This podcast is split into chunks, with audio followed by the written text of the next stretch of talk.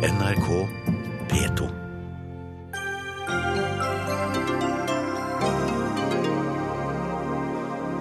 Hvordan er det mulig å frata en velintegrert mann statsborgerskapet etter 17 år i landet, uansett om han snakket sant eller usant da han var et barn? Hvordan er det mulig at Sylvi Listhaug igjen får skylda, når det er en lov Stortinget vedtok for 11 år siden som fratar ham statsborgerskapet? Hvordan er det mulig at hver tredje bil får kjøreforbud i hovedstaden i morgen, når forskerne er usikre på om effekten i det hele tatt lar seg måle? Og hvordan er det mulig å se for seg at politiet skal kunne håndheve dieselforbudet?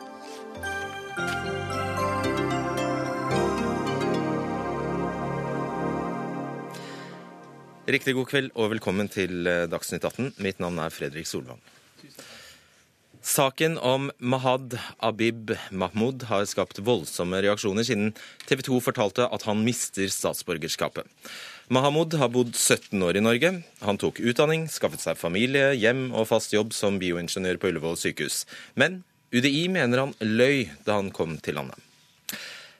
Mahad Abib Mahmoud, velkommen hit. Tusen takk. Eh, vi skulle gjerne hatt UDI eller eh, UNE her til å fortelle hvilke beviser de har eh, mot deg, men selv om du har gitt dem skriftlig beskjed om at du gjerne opphever taushetsplikten for dem, så vil de ikke stille her. Og Derfor baserer jeg nå mine spørsmål på en sak fra Dagbladet, som da har fått 500 sider med papirer fra deg, som viser all dokumentasjon både du og norske myndigheter har i saken.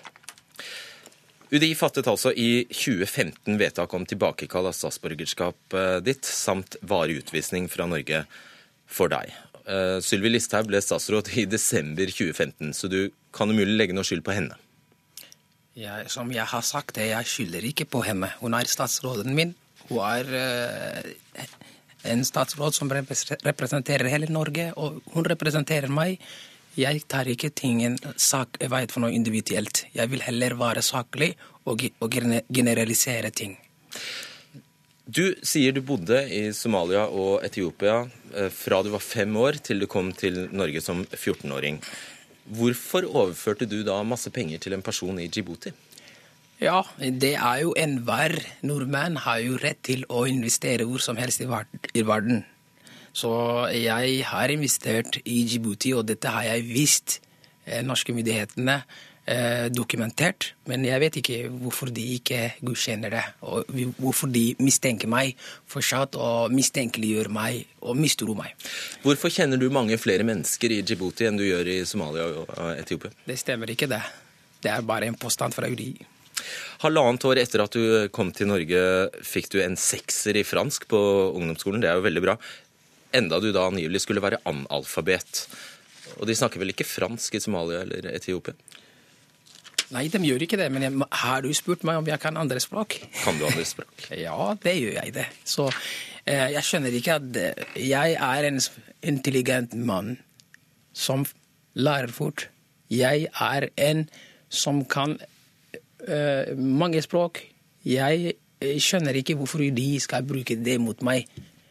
Og bare for ordens skyld, Djibouti er da et fransktalende land, så UDI har resonnert slik at uh, det henger sammen med at du faktisk kommer fra Djibouti. At du kunne så godt fransk. Jeg snakker jo fem forskjellige språk, så hvilket land jeg er fra, så vet alle somaliere. Eh, hvordan forklarer du at eh, somaliske og djiboutiske nettaviser, og det står i anførselstegn i saken, skriver at du tilhører en annen klan enn den du har opplyst til UDI? Det er interessant at norske myndigheter anerkjenner såkalte somaliske nettaviser eh, som troverdige kilder, og benekter offentlige dokumenter fra begge de to landene der. Fra Somalia Riksadvokaten i Somalia har uttalt seg om, og mange andre departementer fra Somalia har også uttalt seg om, om min identitet. De har bekreftet det. Til og med advokaten min og jeg har henvendt seg til uh, Djiboutisk ambassade i Brussel. De har avkreftet påstanden UDI påstår. UDI mener du har en utypisk dialekt til å være fra Mogadishu? Jeg var fem år gammel da jeg flytta fra Mogadishu. Jeg flytta til Etiopia, og jeg snakker også den dialekt.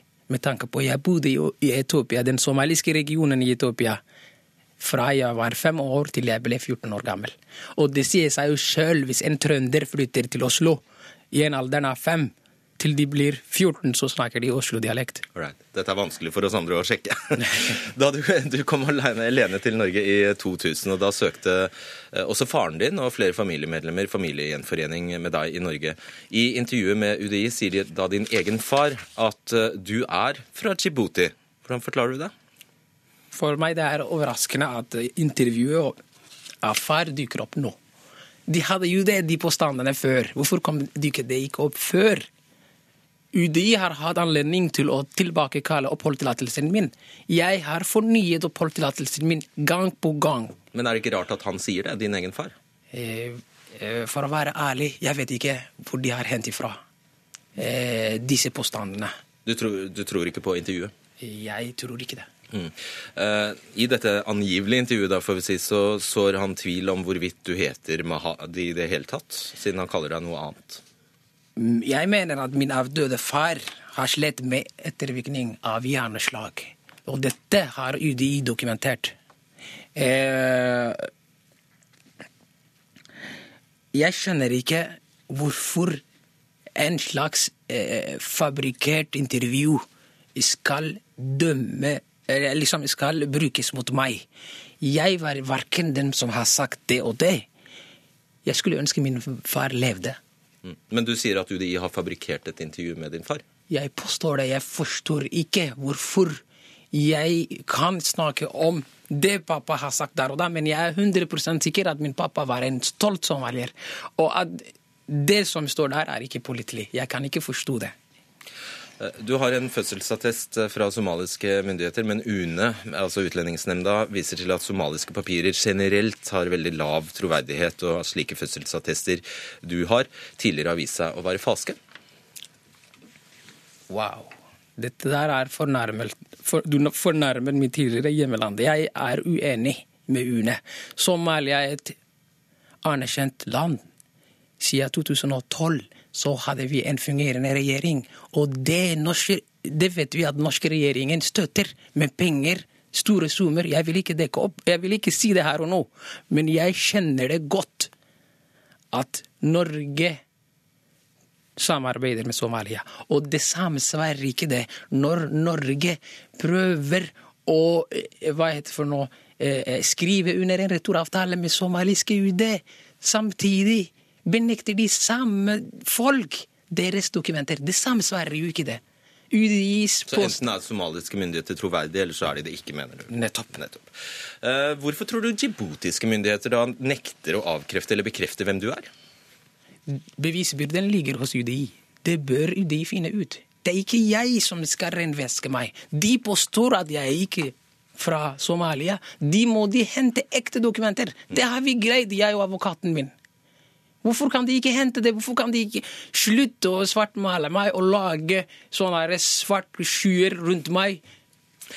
Jeg ljuger ikke, jeg er ærlig. Jeg har alltid vært ærlig. Og jeg føler det er Jeg føler meg utbrent. Jeg føler meg maktløs når mine egne for, forvaltningsembeter behandler meg slik. Det blir jo, er jo gjentatte ganger eh, sagt at du var et eh, barn, eller brukt som et argument i din sak at du var et barn da du kom. Men papirene da du ba om, eh, eller da du søkte om statsborgerskap, ble jo innlevert da du ikke lenger var et barn. Ja, det ble tatt fra meg da jeg var ikke barn. Men jeg skjønner ikke når en 14 år gammel Hvis en 14 år gammel her i Norge gjør noe feil, eller om de er ærlige eller ikke, er det straffbart? Nei. Men jeg skjønner ikke hvorfor de skal gå tilbake og se uoverensstemmelsesdokumenter. Jeg kan jo finne feil i en setning, hvis jeg ønsker å finne feilen. Eh, vi skal legge til at du har full støtte fra det somaliske miljøet i Norge, og at de også gjerne vil komme hit uh, i dag og, og, og understreke det. Helt til slutt, rent praktisk, hva betyr det for deg å være statsløs? Jeg kan ikke akseptere å være statsløs i mitt eget land, Norge. Jeg føler meg norsk.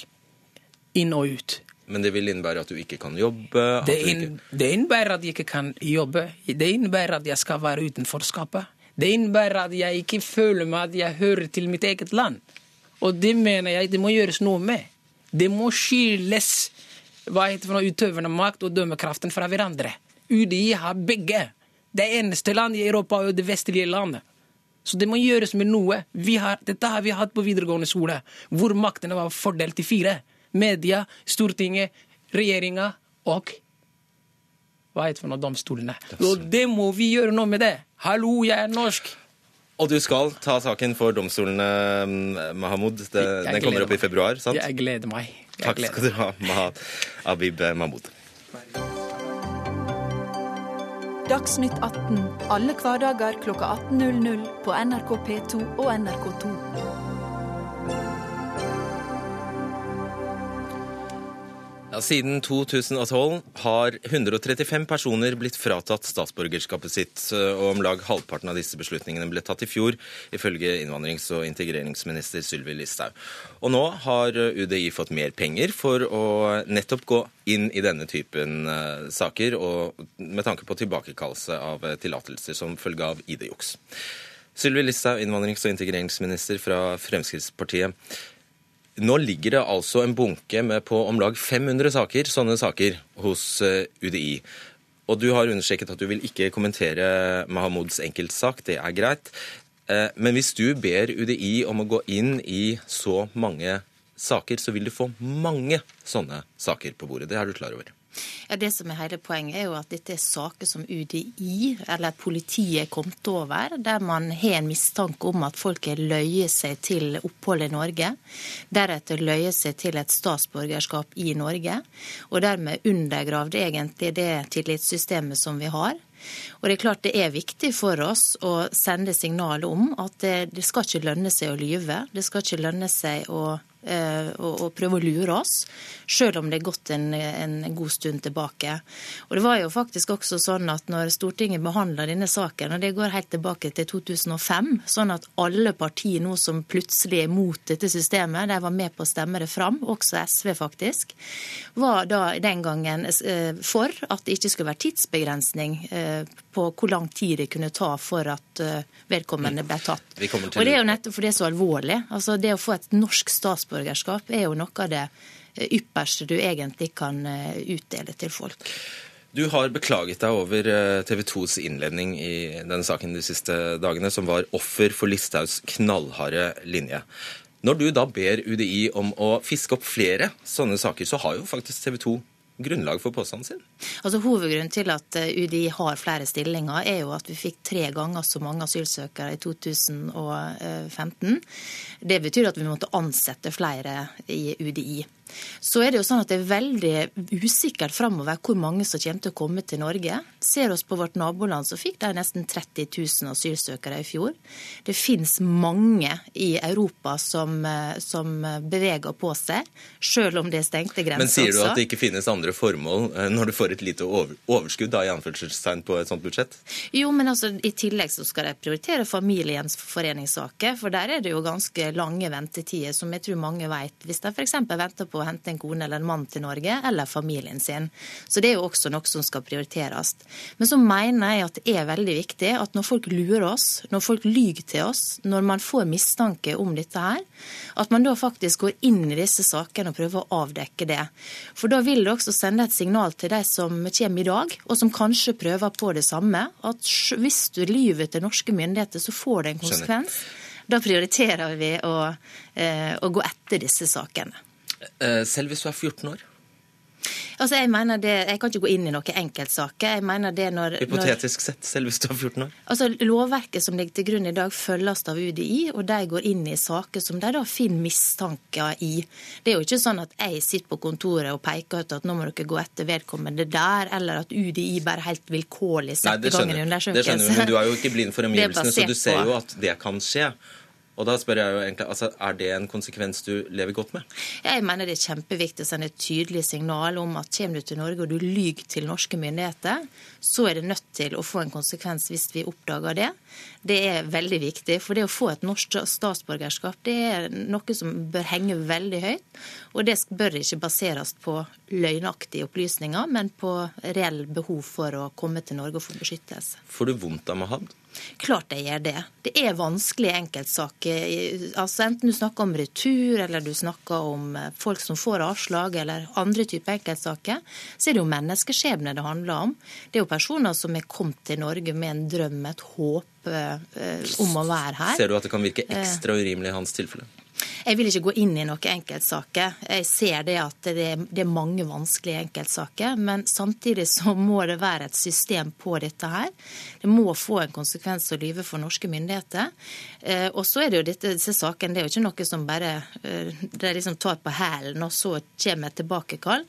Det er politietterforskning, det er en behandling i UDI først. Der ser man jo på mange forhold og liksom summerer opp om, om, det er grunnlag for tilbakekall.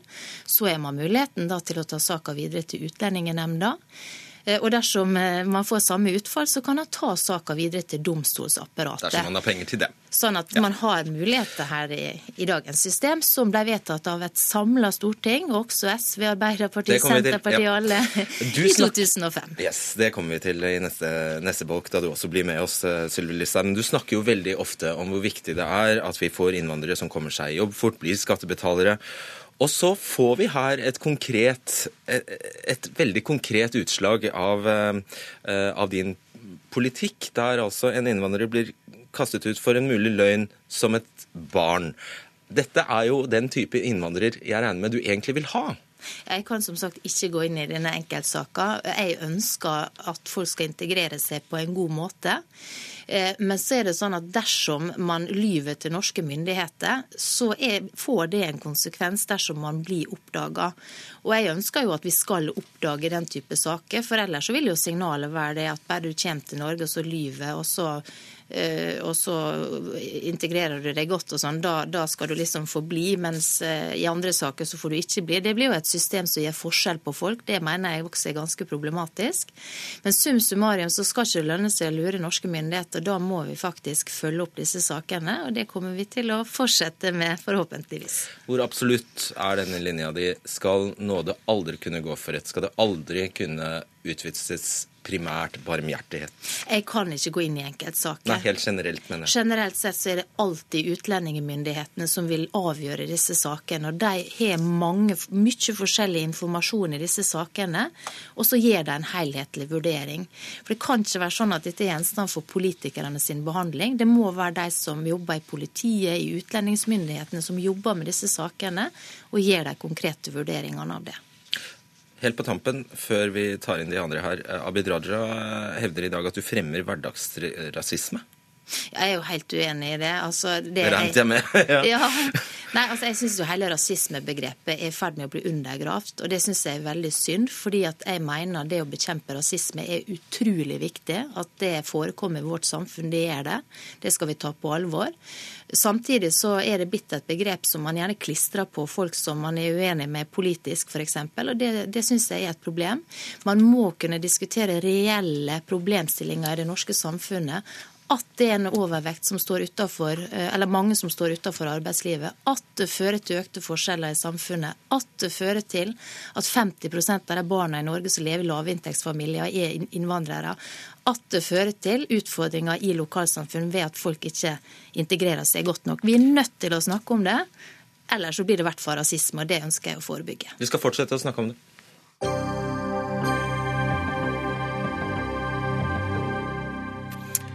Ja, For den loven som nå gjør at Mahad Abib Mahamud kan fratas statsborgerskapet, er ikke ny i det hele tatt. Den ble laget helt tilbake i 2005, faktisk, bl.a. av Arbeiderpartiet Kari Henriksen, stortingsrepresentant.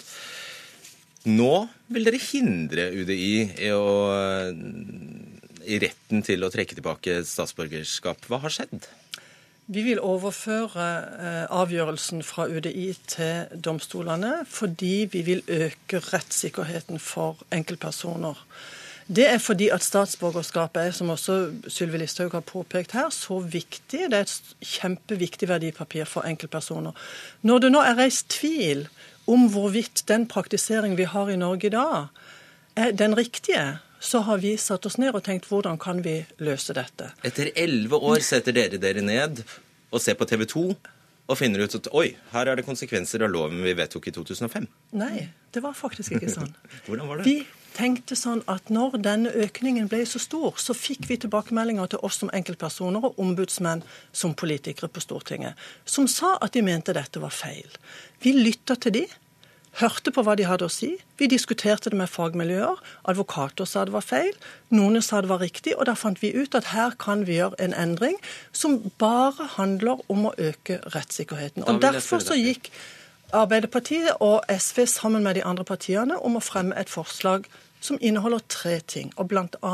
det å overføre det til domstol. Og da mangler dere et, eh, dere mangler støtten fra ett parti eh, foreløpig. KrF er i tenkeboksen og sitter med, sitter med nøkkelen eh, der. Men bare et kjapt spørsmål til. Har du peiling på hvor mange som er sendt ut etter denne paragrafen, altså 26 i statsborgerskapsloven? Er det vel siden du vedtok loven? Nei, det vet jeg ikke, men jeg har spurt Sylvi Listhaug som en forberedelse til dette, så spurte vi i desember hvor mange som var returnert av de som var blitt fratatt statsborgerskapet. Og da er det 65 som er blitt fratatt statsborgerskapet, og så er det ni som er returnert. Ja. Men du har altså ikke gjort håndskrik før nå, denne saken kom på TV 2? Nei, har, nei ikke før han kom på TV 2. Vi begynte å jobbe med den i, eh, i november-desember i høst. Hva blir, eh, hva blir konsekvensen dersom dette forslaget får, for får flertall? Det er jo at det vil ta lengre tid å behandle denne type saker. Og det er klart, eh, det vil jo trenere hele systemet. Og det er jo ganske Fordi de får mer rettssikkerhet, da. Nei, altså Det er jo god rettssikkerhet i dag. Man har jo muligheten da både til å ta dette videre til Utlendingsnemnda videre til domstolene. sånn at det står man fritt til i dag. Og jeg, tenker, jeg syns det er ganske merkelig, egentlig, etter at man sittet åtte år i, i regjering og håndhever denne loven, og så sier man det at fordi man nå bruker det i et større omfang, altså følger opp de lovforpliktelsene som var vedtatt i Stortinget i 2005, så finner man ut at da trenger man bedre rettssikkerhet. Og så vil jeg bare si at dette føyer seg jo inn i et mønster når det gjelder Arbeiderpartiet, der man eh, skifter kurs i innvandringspolitikken. Og jeg tror ikke dette ville skjedd under Jens Stoltenberg, men det er en ny kurs under Jonas Gahr Støre, der man sakte, men sikkert er med på flere ting som bidrar til da å, eh, kan du si, forvanske det arbeidet som f.eks. er innenfor dette. Svar kort på det. Din, eh, din Helga Pedersen, har, din partikollega Helga, Helga Pedersen har, eh, har lovet at dette ikke innebærer en, en liberalisering. Det innebærer ingen liberalisering. og Det høres ut på Sylvi Listhaug som hun ville melde seg inn i Arbeiderpartiet bare Jens Stoltenberg kom tilbake. Men dette handler ikke om omfang heller. Det handler ikke om omfang heller. Det handler nemlig om rettssikkerheten. Og rettssikkerheten er en juvel i demokratiet. Og når det nå er reist til mistillit til om forvaltningen faktisk behandler det på en ordentlig måte, så er det årsaken til at vi altså da har foreslått dette forslaget. Og Da blir mitt spørsmål eh, til deg, Hans Petter Graver, eh, jusprofessor ved Universitetet i Oslo.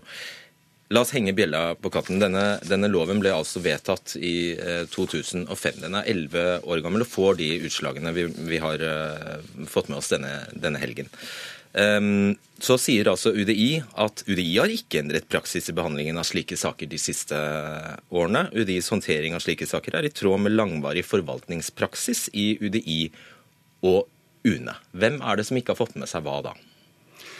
Nei, jeg tror det er riktig at eh, praksis har vært eh, den samme eh, lenge. Eh, eh, men det betyr ikke nødvendigvis at praksis allikevel er riktig av den grunn. Ja, For du mener faktisk at det, denne praksisen er feil? Den har vært det i alle disse årene? Ja, i hvert fall utgangspunktet for praksisen. Fordi loven viser til eh, de alminnelige forvaltningsrettslige reglene om ugyldighet. Og det er jo det vi snakker om her. Spørsmålet Oi, hva betyr det? ugyldighet betyr altså at et vedtak ikke gjelder fordi det lider av en feil av en eller annen art. Og, her mener jo da eh, utlendingsmyndighetene at eh, det er feil i eh, de opplysningene som vedtaket bygget på, at det derfor er ugyldig. Og da er man over i ikke utlendingsmyndighetenes praksis, men i Uh, helt generelt, for dette kan jo skje på mange områder. Det kan skje i trygdesaker, det kan skje i uh, byggetillatelsessaker, alt mulig. ikke sant? Uh, og da er det slik at hvis et vedtak skal være gyldig, så forutsetter det en bred vurdering hvor mange momenter tas inn i betraktning. Men det er jo det vi hører at UDI har. Ja, men feilen ligger i det at eh, UDIs praksis, og, og som også Sylvi Listhaug sa tidligere, bygger på at hvis en person har eh, gitt feil opplysninger, og det er grunnen til at eh, det faktiske grunnlaget var feil, så skal utgangspunktet være at tillatelsen kalles tilbake. Og det utgangspunktet kan man ikke ta, fordi utgangspunktet må være at dette er en forholdsmessig reaksjon i det enkelte tilfellet. Mm. Men har Stortinget da rett og slett vedtatt altså, har Stortinget vedtatt en ulovlig lov? Nei. For loven viser til alminnelige forvaltningsrettslige regler, og dette er de alminnelige prinsippene som gjelder i alle vedtak, ikke bare i utlendingsforvaltningen. Ok, Dette er komplisert, Lise. Ja, det er det, men det er det som man sier. altså Er det trygdesvindel f.eks., så er det jo samme, samme måten man gjør dette på. Eh, altså da, da, må man sjøl ta det til domstolene hvis man mener at det er feil. Så det er jo, det er jo en praksis. Men det som eneste vi endra på etter vi, eller jeg kom inn i, i, Justisdepartementet, er jo det som går på midlertidige oppholdstillatelser, og at UDI skal bruke mer tid på å trekke tilbake til dem. Og Det er jo en oppfølging av asylforliket der man var enige om at dersom man ser at forholdene i et land bedrer seg, hvis man ser at vedkommende ikke lenger trenger beskyttelse, så skal man sette i gang å tilbakekalle tillatelser. For da kan vedkommende reise hjem og være med på å bygge eh, opp igjen landet sitt. Disse sakene har vært praktisert på samme måten siden denne loven kom i 2005. Eh, og, og det, sånn at det er et enstemmig storting som står bak. Det må jo være lov da, Henriksen, å påpeke at det kan være dere som har bare fulgt veldig dårlig med, når UDI i pressemeldingsform må understreke at vi har ikke endret noe her. Sånn har det vært i mange, mange år. Nei, jeg ser egentlig ikke at det skal være den forskjellen. For det som er viktig for oss, det er den mistilliten som er skapt i befolkningen om at det ikke er en rettferdig vurdering. Og det er den mistilliten som vi vil gjøre noe med. For hvis ikke vi har tillit mellom stat og folk, så er vi ille ute å kjøre. Og så hver gang det kommer en protest, så vil nei, du gjøre endringer? Nei, det er helt feil. Det er ikke snakk om at hver gang det kommer en protest. Her er det tunge fagmiljøer som er uenig i hvordan dette skal håndteres. Og Da har vi sagt at her bør vi se, og det er også det som NOU-utvalget som er nedsatt av regjeringen, peker på, at nettopp ved å overføre det til domstolen, så forsvinner det politiske spillet. For da er det rettsapparatet som er uavhengig, som vedtar de, de eh, avgjørelsene. Og blir en, da blir det fritatt fra den politiske dimensjonen som det nå reises mistanke om. Og jeg har ingen mistanke om at Sylvi Listhaug gjør dette dette eh, noe annerledes, eller håndterer regelverket noe annerledes enn det vi gjorde. Men det er kommet en tilleggsdimensjon som sier at nå er det eh, reist sterk tvil om dette er den riktige måten å gjøre det på. Og Derfor har vi foreslått å endre det. Eh, ja, Vil du svare kort med? Ja, nei, altså, for, for, vårt vedkommende så følger vi opp den praksisen som er vedtatt enstemmig på Stortinget. Og jeg mener at det, det, er god rettssikkerhet. Utlendingmyndighetene, det er politiet inne i bildet. Man gjør en omfattende undersøkelse. Man har muligheten til å ta det videre til Utlendingsnemnda. Og man har mulighet til å ta det videre til domstolene. Sånn at uh, man har god rettssikkerhet allerede i dag. Graver, Europarådets generalsekretær Torbjørn Jagland har rykket ut i dag og, og sagt at i Norge turer man fram mer og mer som om man ikke har internasjonale forpliktelser. Eh, og da viser han altså til eh, Europarådets eh, konvensjon Nå har jeg ikke, har jeg ikke Om nasjonalitet. Om nasjonalitet, sånn var det. Har han rett i det? Det er et veldig generelt utsagn, så det vil jeg ikke uttale meg om. Men altså, i den konvensjonen så er det faktisk adgang til å, å kalle tilbake statsborgerskap hvis det bygger på Så det er det, selv om man da blir stående statsløs? Eh, ja, det er det etter konvensjonen. Men, men jeg skjønner allikevel godt at folk uh, mister tillit til om det foretas en rettferdig vurdering. Fordi uh, hvorvidt en person har løyet, er et moment i vurderingen. Men det er bare ett av flere momenter. Mens i den praksisen som myndighetene har lagt opp til, så virker det som om det er det eneste momentet, og det er galt. Jeg syns det var litt festlig at Torbjørn Jagland, som sjøl var med på å stemme gjennom denne lova i Stortinget, eh, hissa seg veldig opp på ski. Da burde han kanskje heller brukt energien sin på å angre seg da, på at han var med på dette her. Det er altså sånn at eh, det er mulighet for å gjøre folk statsløse hvis dette her er på bakgrunn av det man, det man eh, sier er, er det var det svikeaktig framferd i henhold til bokstav B osv. Så, videre. så her er det muligheter, eh, sånn at eh, da vil jeg anbefale neste gang å Vi kan bare konstatere at det er uenighet i alle partier, og vi har bl.a. et storting der Fremskrittspartiet ofte går mot mot sine egne regjeringsrepresentanter. Så vi kan ha det litt festlig hver på vår side, men dette er en alvorlig sak, og derfor ønsker vi å øke rettssikkerheten ved å overføre det til Og Vi skal snakke mer om det straks. Takk skal dere ha, Sylvi Listhaug, Kari Henriksen og Hans Petter Graver.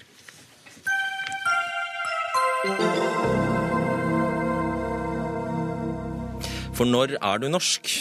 Er det når du har fått norsk statsborgerskap? Å ta fra noen statsborgerskapet er så inngripende at det kan sammenlignes med straff, mener tidligere leder i Unge Høyre, Paul Joakim Sandøy. Og derfor eh, bør dette være en sak, så vi fortsetter egentlig den debatten vi var eh, så vidt innom her i sted. Derfor bør dette være en sak for domstolene og ikke for forvaltningen, mener du. Hvorfor eh, minner dette om straff? Det er jo veldig, et veldig inngripende vedtak eh, når du i det ene tidspunktet har, er statsborger i et land.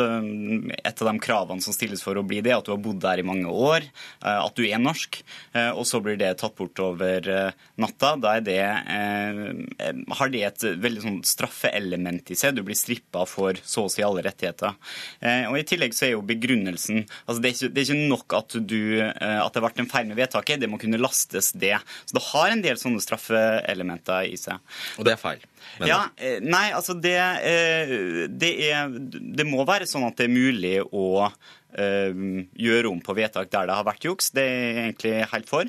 Eh, Men det må være underlagt noen strengere regler enn i dag. For dette handler litt om eh, hva et statsborgerskap egentlig er. Og jeg tror vi er veldig enige om at det skal være strengt og eh, vanskelig å få bli norsk. Det er ikke for hvem som helst. Men så mener jeg at når du har fått blitt norsk statsborger, så er du faktisk norsk statsborger. eh, Og da skal det noe mer til enn et forvaltningsvedtak for å snu om på det og frata deg alle rettighetene dine over natta. Og med vi sikter du til Kristian Christian Tonning Riise, nåværende leder Ja. i Unge Høyre. Eh, ja, Det er jo veldig spinkelt da, at eh, en saksbehandler, en byråkrat i UDI, kan avgjøre skjebner på den måten. Altså det jeg er helt enig i her, er jo at det er selvfølgelig en, en svært eh, livsinngripende avgjørelse å, å ta fra noen eh, statsborgerskapet sitt. Men hvorvidt det kan regnes som straff, er jeg nok ikke helt sikker på om jeg er, eh, om jeg er helt enig i. Altså det er jo egentlig bare en konstatering av at vilkåret for å få eh, statsborgerskap eh, eh, har, har falt bort. Og da, da faller også statsborgerskapet bort. Altså, statsborgerskap er jo en sivil rettighet eh, som du har. Og når grunnlaget for det bortfaller, så vil jeg ikke si at man egentlig kan, kan si at det er en straff. For det er jo som sagt en konstatering av at de opplysningene man ga som var grunnlaget for å få statsborgerskapet, ikke er der, ikke er der lenger. Eh, Og Det er jo en rekke andre saker også, enten, eh, enten det kan være i Nav eller i skattemyndighetene, hvor det er helt vanlig at en beslutning skjer i forvaltningen først, og at man deretter må ta klages på saken eller til søksmål for å eh, få saken erkjent ugyldig. Så slik sett er jo ikke dette en, helt, en helt uvant praksis. Men det er klart det er jo en ekstra inngripende avgjørelse å ta fra noen statsborgerskap, og Det er helt klart. Og det er her du mener at domstolene bør inn. Ja, jeg støtter opposisjonen i, i deres forslag. Og det eh, er Altså, vi diskuterer mye hva det vil si å være norsk, sant, i dagligdebatten eh, på Facebook. henger brunost i juletreet. og- Ikke sant? Ja. Da, du er ikke, ikke norsk før du har bodd innerst i en fjord i mange generasjoner.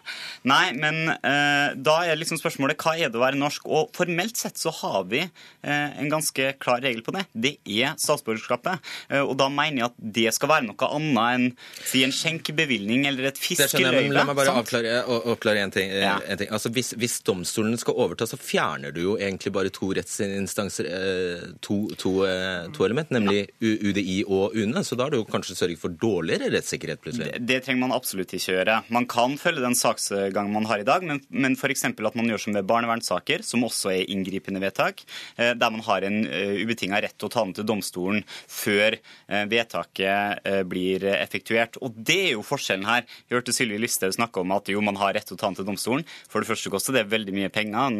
Flere snakker om å selge huset sitt. Men for det andre så er man jo, eh, har man jo mista statsborgerskapet i mellomtida. Eh, og eh, det kan ta ganske lang tid før den saken kommer opp for domstolen. Eh, hvor lenge syns du, bare for å spore oss litt over på noe, ja. noe annet, Tone Tonning Riise, hvor lenge syns du det er rimelig at en person skal kunne frykte å få inndratt statsborgerskapet sitt? 10-20? Hvor mange år? Nei, Det er vanskelig å gi noe eksakt tall på det, men det du vel leder debatten inn på, er at jeg syns det er naturlig at man, at man har en diskusjon på foreldelsesfrist for tilbakekalling av statsborgerskap. Både av hensyn til den enkelte, at det er grenser for hvor lang tid man skal gå med den utryggheten hvis man har skapt seg et liv i Norge, men òg egentlig av hensynet til samfunnets ressursbruk.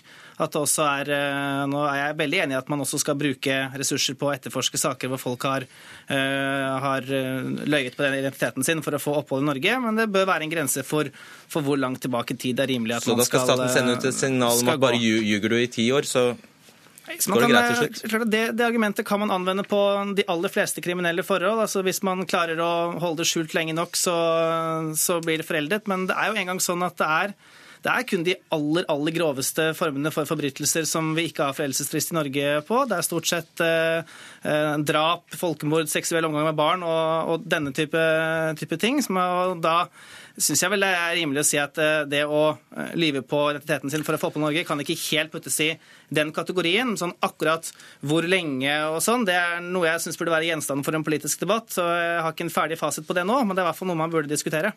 Og her er dere faktisk enige? Her er vi enige. Det, eh, det, det, må en foreldelsesfrist til. Og, men egentlig handler jo det også litt om, om, hovedpoenget mitt her. At dersom man viderefører dagens praksis, så får man i realiteten et A-statsborgerskap og et B-statsborgerskap, der alle som har fått innvilga statsborgerskap via søknad, eh, må, må, i realiteten ses over skuldra i ubegrensa tid uten foreldelsesfrist. Eh, og det syns jeg er urimelig. Og dersom vi skal frata disse menneskene statsborgerskapet, så mener jeg at vi må være helt sikre. Og for å være helt sikker, så har vi regler i Norge for hvordan vi, vi går fram da. Da har vi f.eks. en uavhengig domstol, vi har rett til rettshjelp, vi har rett til kontradiksjon. og og eh, ja, det skal også være en foreldelsesfrist. Og vi har også fulle domstoler, bare så det er sagt. Ja, at man innfører A- og B-statsborgerskap er jeg nok ikke helt, eh, helt, enig i. For det er jo noe med vilkårene for å få statsborgerskapet her. Og det er jo at de, de opplysningene du har gitt til myndighetene er riktige. Men så er det mye andre ting man også kan gjøre for å bedre rettssikkerheten uten nødvendigvis å ta det til domstolene. Du kan f.eks. si at eh, det å, å, den type avgjørelser faller innenfor vilkårene for fri rettshjelp f.eks. er noe som jeg også syns ville vært fornuftig å se nærmere på. Hvilket ikke gjør ah, Ok, fem sekunder? Ja, altså eh, bare en, en, siste tilleggsting som man kan gjøre her, er jo at istedenfor å prioritere å gjenåpne mange år gamle saker, så kan man jo bruke de ressursene på å gjøre en grundigere jobb på å avdekke det i forkant. Det Når man søker om opphold, så kanskje unngår okay. man den type saker som det her i framtida. Der skulle jo også UDI ha vært uh, til stede for å uh, forsvare seg, men det vil de altså ikke. Takk skal dere ha, Kristian Tonning Riise og Paul Joakim Sandeng. Hør Dagsnytt 18 når du vil Radio NRK Radio.nrk.no. Fra i morgen blir det forbudt å kjøre dieselbil på kommunale veier i Oslo pga. akutt helseskadelig luftforurensning. Men eh, hvor stor effekt får det på den faktiske forurensningen? Tobias Wolff, vi starter med deg, klimaforsker ved Bjerknessenteret for eh, klimaforskning i Bergen. Bergen innførte datokjøring i tre dager i fjor vinter. altså vil Si at eh, biler med nummerskilt som slutter på partall, eh, kunne kjøre på partallsdager, altså onsdag og fredag. Mens biler som hadde skilt som slutter på oddetall, bare kunne kjøre, kunne kjøre på torsdag. Så dere noen klar effekt av datokjøring i, på luftkvaliteten altså, i Bergen? Det er litt problematisk med å se på en klar effekt um, fra et um, tiltak som ble innført på bare tre dager. Så um, Bergen kommune um, antatt i et um, um, analyse senere at det var en stor effekt, fordi um, forurensningen gikk ned ganske betraktelig på den 6. januar, så det var onsdagen. Um, men um, det var stort sett um, skyld til at værsituasjonen har for, forandret seg. Så akkurat Hva betyr det at det begynte å blåse, eller? Det begynte å blåse litt, og invasjonen var faktisk fullstendig borte. Hva er invasjon? Um, inversjon det er hvis um, lufttemperaturen um, stiger med høyden. Okay. Og det fører til at luftforurensning som blir sluppet ut, akkumulerer seg over en lang tid. Og derfor får vi jo høye verdier av, av luftforurensning. Så når du nå hører nyheter fra andre sida av fjellet at Oslo skal prøve seg på dieselforbud, hva tenker du da?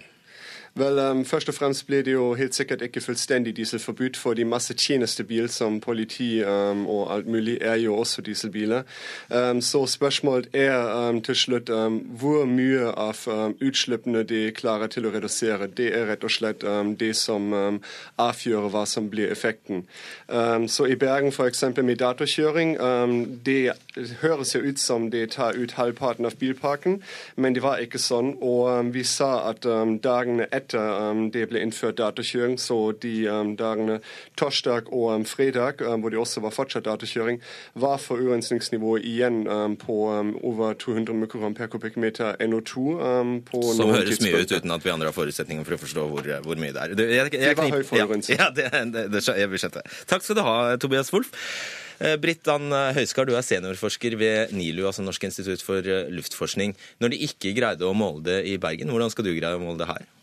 Det er vanskelig å, å, gjøre en evaluering av tiltak. Eh, vi har jo gjort en del beregninger i forkant eller tidligere der vi har sett på dieselbilforbud eh, innenfor Ring 3. Vi har ikke beregnet akkurat det scenarioet som, eh, eller det tiltaket som iverksettes i morgen og sett at vi kan få effekter opp mot 20-30 eh, hvis eh, en tar ut alle dieselkjøretøy unntatt de nyeste tunge. Men det er jo ikke planen? Men det er ikke planen i morgen. Så det, blir, det er vanskelig å anslå hva effekten blir av det tiltaket i morgen, rett og slett fordi det er mange unntak, spesielt for de tyngre kjøretøyene.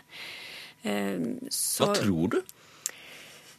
Oh, det er veldig vanskelig. Jeg tror vi ligger mer nærmere 10% enn 30% Men det er en Ja eh, veldig vanskelig 10 reduksjon, altså? Ja, i timeverdiene. Men det kan jo være, og det er jo viktig, enhver reduksjon gjør at vi, eh, kommune, Oslo kommune kanskje klarer å holde seg innenfor forskriften. Vi har lova 18 verdier over disse 200 som, eh, som ble nevnt.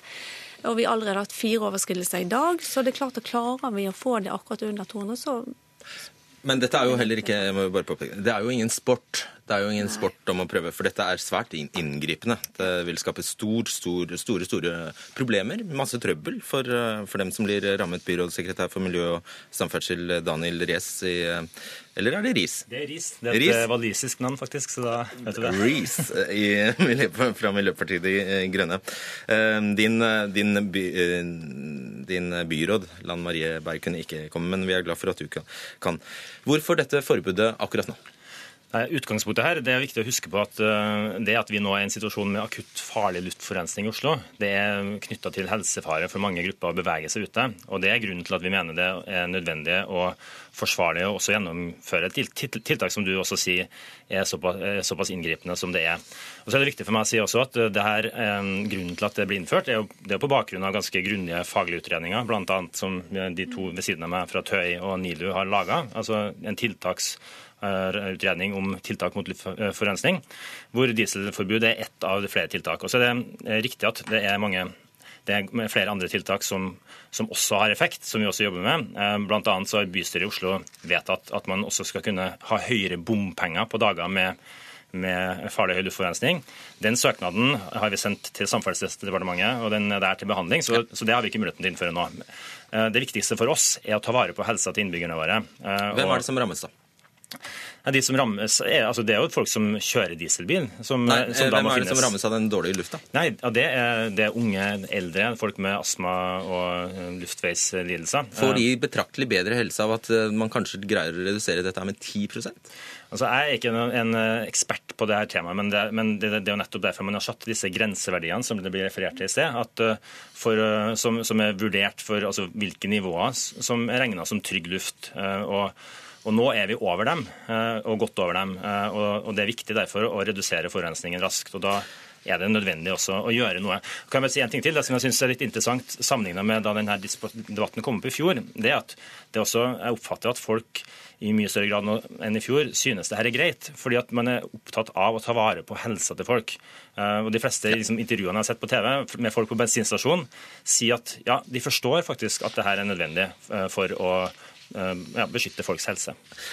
Greit. Eh, det får vi ikke svar på akkurat nå her, her vi sitter, men det kommer sikkert målingen på det etter hvert. eh, Hvor populært det er. Lasse Fridstrøm, kanskje etter tirsdag f.eks. Lasse Fridstrøm, forsker ved Transportøkonomisk eh, institutt. En av forskerne bak rapporten eh, 'Tiltak mot bruk av dieselkjøretøy på dager med høy luftforurensning'. Eh, Der har du sett på andre tiltak som Riis eh, nevner her, som man kunne ha tatt i, i bruk. Eh, Hvor effektivt eller ineffektivt er et totalt dieselbilforbud? Problemet med et sånt absolutt forbud er at eh, det i noen tilfeller vil innebære veldig store kostnader for enkeltpersoner eller enkeltbedrifter. En arbeidstaker som ikke kommer på jobben, kan i verste fall koste arbeidsgiveren flere titusener kroner. Eh, eh, Ut fra det perspektivet så ville en mye enklere og mer effektiv ordning være, som byrådssekretæren var inne på, å skru opp satsene i bompengeringen. F.eks. med tigangeren. Det det kommer, femgangen. Det, ja, OK. Vi har regnet på tigangeren, og det høres mye ut. Men det er, 300, Hvorfor er det? Det er mer enn 300 Eller hvorfor er det mer effektivt? jo, fordi at eh, da vil de som eh, faktisk har en verdi av å kunne bruke den bilen, som er større enn 300 kroner, de vil kunne gjøre det valget. Kan betale seg ut av De kan problemet. betale seg ut av det. Eh, Og det betyr at man på en måte kapper toppen av kostnaden. Kostnaden kan ikke bli høyere enn 300 kroner per dag. Men det tiltaket man har gjennomført nå, der vil kostnaden for noen være vesentlig høyere. Uh, ja, um Høyskar først. Eh, når, når Riis snakker om at vi har farlig høye verdier, og du sier at man kanskje kan regne med en 10 eh, re reduksjon, er man da på helt trygge nivåer? Nei, det er ikke så Det er det ikke nødvendigvis. Så det som er, det er på en måte Men da hjelper jo ikke dette for de med astma, da. Eh, Jo, men det vil, du vil uansett få en reduksjon. og så skal ikke vi henge oss opp i akkurat den 10% for det er fryktelig vanskelig å vite hva effekten blir, fordi vi ikke vet hvor stor reduksjon du får i dieselkjøretøy kjøretøy med det tiltaket er. Det vi håper på, selvfølgelig, er jo at flest mulig eh, gjør, eller lar dieselkjøretøyene stå, og at de som eh, driver med varetransport, velger å sette inn sine nyeste tunge eh, kjøretøy i morgen. Så vi ønsker jo at den effekten skal bli så stor som mulig, men det er veldig vanskelig å si nå hvor stor den blir. Men hvis jeg bare kan få lov å si én ting. Det aller, aller viktigste tiltaket vårt er å få langsiktige tiltak som gjør at nivået går ned gjennom hele året. Da kan vi unngå disse episodene, for da vil vi ha mye mer å gå på. Det er jo alle enige om, eh, egentlig, til praktiseringen av dette, Riis. Nå har faktisk Oslo politidistrikt sagt at de ikke har tenkt å sette inn ekstra mannskaper for å håndheve dieselbilforbudet. Så eh, hva kommer til å skje? Det er Statens vegvesen og politiet som har mulighet til å håndheve forskriften. Så det er ikke bare politiet, men de har også sagt at de vil eh, slå ned på de som bryter forbudet. Så vi er opptatt av at folk skal, skal følge det, det forbudet som er, som er iverksatt. Og jeg tror at folk i byen også, også faktisk er, er interessert og innstilt i å være med og, bidra eh, til å sikre trygg, trygg luft i byen. Men jeg vil bare også understreke det som ble sagt her, at eh, det viktigste her er de langsiktige tiltakene. Og det, og det gjelder f.eks. den nye bompengepakken som vi fikk vedtatt i fjor. Ja, men dere er faktisk invitert for å snakke om det akutte tiltaket. Og det er det folk kommer til å merke i morgen. Og til slutt, eh, Fristrøm. eh, Hva tror du man har lært etter morgendagen? Ja, dette er jo et uh, veldig interessant eksperiment, Det det. i det minste. minste. Uh, hva vil skje med folks reisevaner? Hvordan vil det se ut på kollektivtransportmidlene? Vil mange passasjerer bli frakjørt på bussholdeplassene fordi bussene er stappfulle? Uh, dette vet vi ikke ennå, men det vil vi få se i morgen. Ja, vi vil det. vi, følger med. Takk skal dere ha. Lasse Fristrøm, Tobias Wolff var også med oss fra Bergen. Britt Ann Høiskar og Daniel Riis.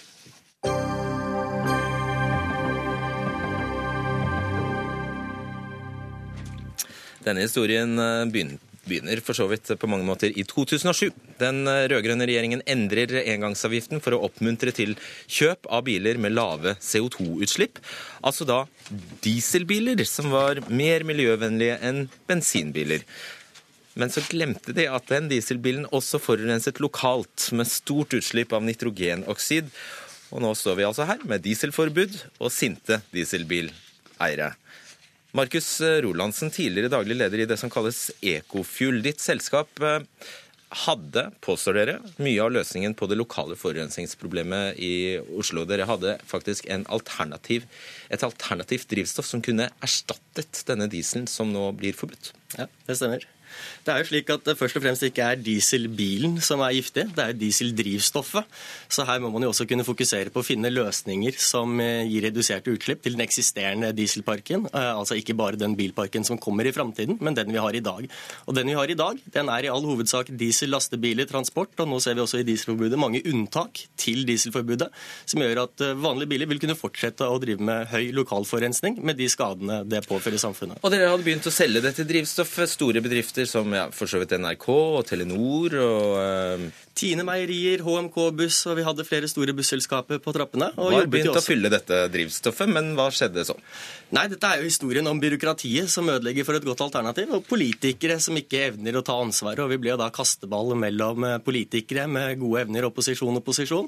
Og måtte saksøke Finansdepartementet og Tolldirektoratet. Vant søksmålene mot Finansdepartementet, men i sommerferien så valgte da byråkratene i Tolldirektoratet å endre regelverket på tvers av de signaler og den dommen som ble rettskraftig og falt i rettsvesenet rettsvesenet. Så vi kan ikke lenger tilby et alternativ til dieselbiler i dag. Og For å oversette litt her, det som i praksis da skjedde, var at dere ikke fikk avgiftsfritak, sånn at din ditt drivstoff ble konkurransedyktig med, eh, med, vanlig diesel, og dermed fikk du heller ikke solgt en dråpe. Absolutt, og det er viktig å presisere her at vi jo betalte CO2-avgifter, fulle CO2-avgifter. Ja, for det er ikke noe særlig stor gevinst på CO2, det drivstoffet her. Nei, altså Dieselbilen i seg selv har jo en stor gevinst kontra bensinbilen, men vi mente at den var såpass liten at vi gjerne ville betale full CO2-avgift. Men når det gjaldt lokal forurensning, så er dette drivstoffet totalt giftfritt. 100% biologisk nedbrytbart. Jeg har det her. og Man kan rett og slett drikke det. Det er ikke noe problem. Kan ta en ordentlig slurk til lyttere. Kan du bekrefte at dette blir drukket? Og det fungerer altså på alle dieselbiler i minus 50 kuldegrader uten ombygginger. Og dette er en løsning som vi kan implementere i morgen til alle dieselbiler hvis politikerne tar ansvar. Ketil Solvik-Olsen var bl.a. en pådriver for dette.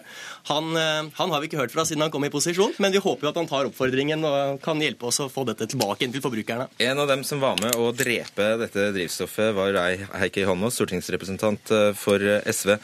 Når alternativet da er noe så drastisk og dramatisk som et dieselbilforbud i hovedstaden, og det er ikke rent få biler det er snakk om, det er eh, Altså I Norge er det 1,2 millioner dieselbiler. Når alternativet er så drastisk, hadde ikke dette vært å foretrekke? Jo, Det å foretrekke, og det som er å foretrekke, det er å få på plass de virkemidlene som byene har bedt om i lang tid. Nemlig det å få innføre lavutslippssoner, der du, mm. der du gjør det dyrere å innvende. Ja, men altså, jeg, jeg syns det er viktig at vi tar en liten sånn tilbakecap for å se hvorfor er vi havnet i denne situasjonen. Jo, grunnen til det er fordi Stortinget har vært pådriver for å si veldig tydelig vi vil ha på plass miljødifferensierte avgifter, sånn at vi kan eh, favorisere de bilene som forurenser lite lokalt. Vi vil ha på plass lavutslippssoner, sånn at de mest forurensede stedene, de som er mest utsatt for det, der holder vi, eh, der holder vi de lokalforurensende bilene utenfor. Men begge disse to tingene har Ketil Solvik-Olsen trenert. Dette forslaget, dette forslaget det vil jeg gjerne se på. Og jeg syns det er interessant at det er sånn at Ketil Solvik-Olsen i opposisjon var sterk pådriver for dette, men i posisjon så løfter han ikke finger. Dette er den Ketil Solvik-Olsen som jeg kjenner. Ja, og For oss er det jo egentlig litt likegyldig av hvem av partiene eller opposisjonen som, eh, som, hjelper oss å få dette gjennom, men det dør over 180 mennesker i året av akutt luftforurensning bare i Oslo. Da vil tre dager med dieselforbud eller 50-60 kroner i bompengeringen det vil være et marginalt tiltak for de som sliter med luftkvalitet, kontra det å kunne bytte ut tungtransport med et ugiftig alternativ som gir virkning umiddelbart. Eh, Benny Kristiansen, motorjournalist og bilekspert i eh, Brum. Eh, denne, som sagt, denne denne avgiftsendringen skjedde altså i 2006 og 2007. Da var eh, eh, Kristin Halvorsen finansminister. Og eh, avgiftene ble lagt om på den måten at dieselbilene ble veldig De ble mye, mye billigere. Ja, de gjorde det. Og det gjorde jo i sin tur at Norge ble fylt opp av dieselbiler. Vi hadde jo en dieselandel på 75 Eh, fordi at de var så miljøvennlige. Eh, og For meg så synes det veldig urettferdig at de som kjøpte dieselbil den gang, ikke får lov til å bruke bilen sin nå. Eh, jeg, jeg synes det er helt høl i huet. Visste dere ikke dette her, Heikki Holmås? Jo, bl.a. Astma- og Allergiforbundet advarte oss mot at omleggingen i bilavgiftene ville kunne føre til flere dieselbiler. Og en av de tingene som vi da som var stortingsflertallet den gangen. Du må huske at Det var et bredt flertall på Stortinget som ønsket dette. Høyres Erna Solberg hadde fremmet forslag om dette her Ja, på våren ansvar for det, du, da. 2006. Absolutt. De var, eh, vi sa derfor at vi kommer tilbake igjen med andre tiltak hvis det er sånn at dieselbilandelen eh, stiger. Og En av de tingene vi gjorde senere, var å innføre en lokalavgiftskomponent, sånn at når du kjøper nye biler, så skulle de som forurenser lokalt, komme dårligere ut. Men Men svar på på det Kristiansen sier, Ja. det er helt det er urettferdig og det er urimelig å først sette ned avgiftene på en, en type biler. Men, men det er feil at vi satte ned på dieselbiler. Vi Er det feil? Ja, det er feil. For det vi gjorde, var at vi gjennomførte en avgiftsomlegging som gjorde at alle energidrivstoffgjerrige biler kom bedre ut. Og hvis du ser, så er det sånn at dieselandelen den steg den fra 10% i 2001 til 50% i 2006. Gikk deretter opp på 75 og har falt deretter pga. de virkemidlene som, som er kommet. Okay, det, er, det er bare sånn, Husk at det er brei enighet i Stortinget om dette. Alle avgiftsomleggingene som har vært foretatt etterpå, av Venstre, av Fremskrittspartiet, av Høyre, har gått videre i samme retning av å favorisere de bilene som forurenser lite og bruker lite dette? drivstoff. Eh, Nei, det stemmer jo ikke. Altså, avgiften på dieselbiler ble satt ned, og at det er bred enighet i Stortinget, det kan godt være. Men altså, jeg tror at den allmenne oppfatningen ute blant folk flest er at dette er urettferdig. Og jeg må jo også si det at eh, at hvorfor skal dieselbilen rammes? Altså Alle biler forurenser, også elbiler og bensinbiler. Eh, Jeg syns det hadde vært en mye mer rettferdig greie å hatt f.eks. datokjøring. da. Eh, Jeg syns også at eh, dette forslaget om dieselforbud eh, kommer altfor tidlig. Altså, vi vet jo at bilindustrien har jo vært fenomenalt flinke til å ta grep. Når det har kommet krav om Euro 5, så har man lagd nye motorer som klarer nye utslippskrav. Hva Euro 5? Det er en sånn utgift eh, altså avgif, avgift, eller nei, sånn, sånn utslippsgrense, norm. Nå har det kommet et nytt et som er enda strengere, som heter Euro 6.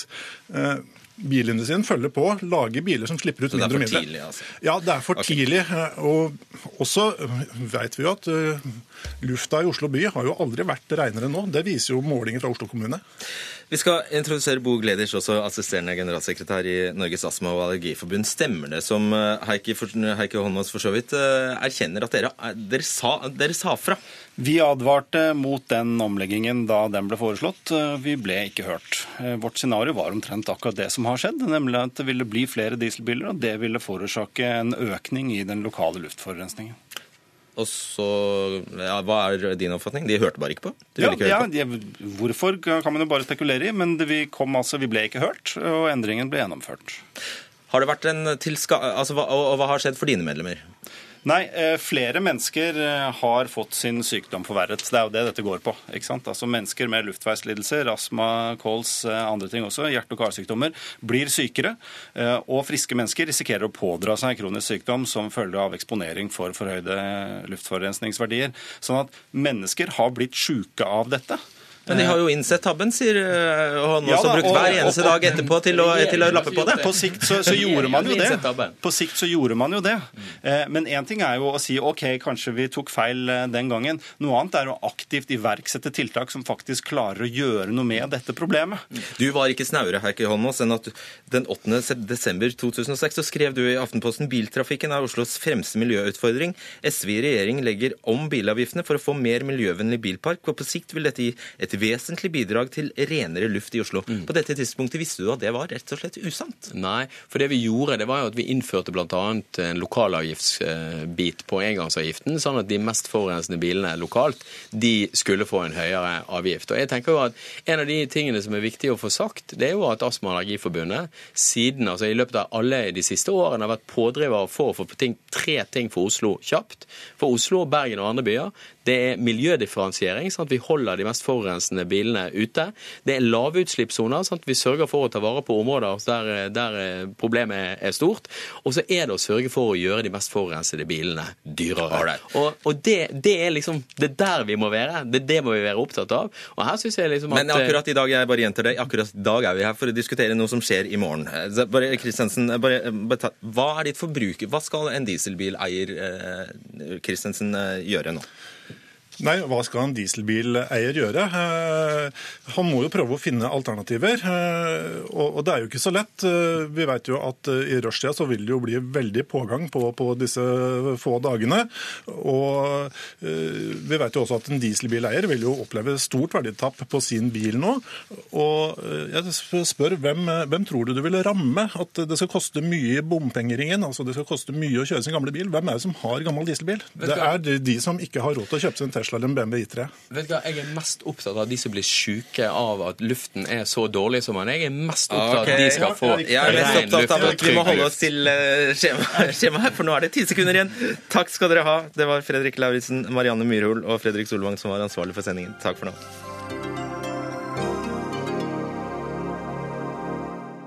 Hør flere podkaster på nrk.no podkast.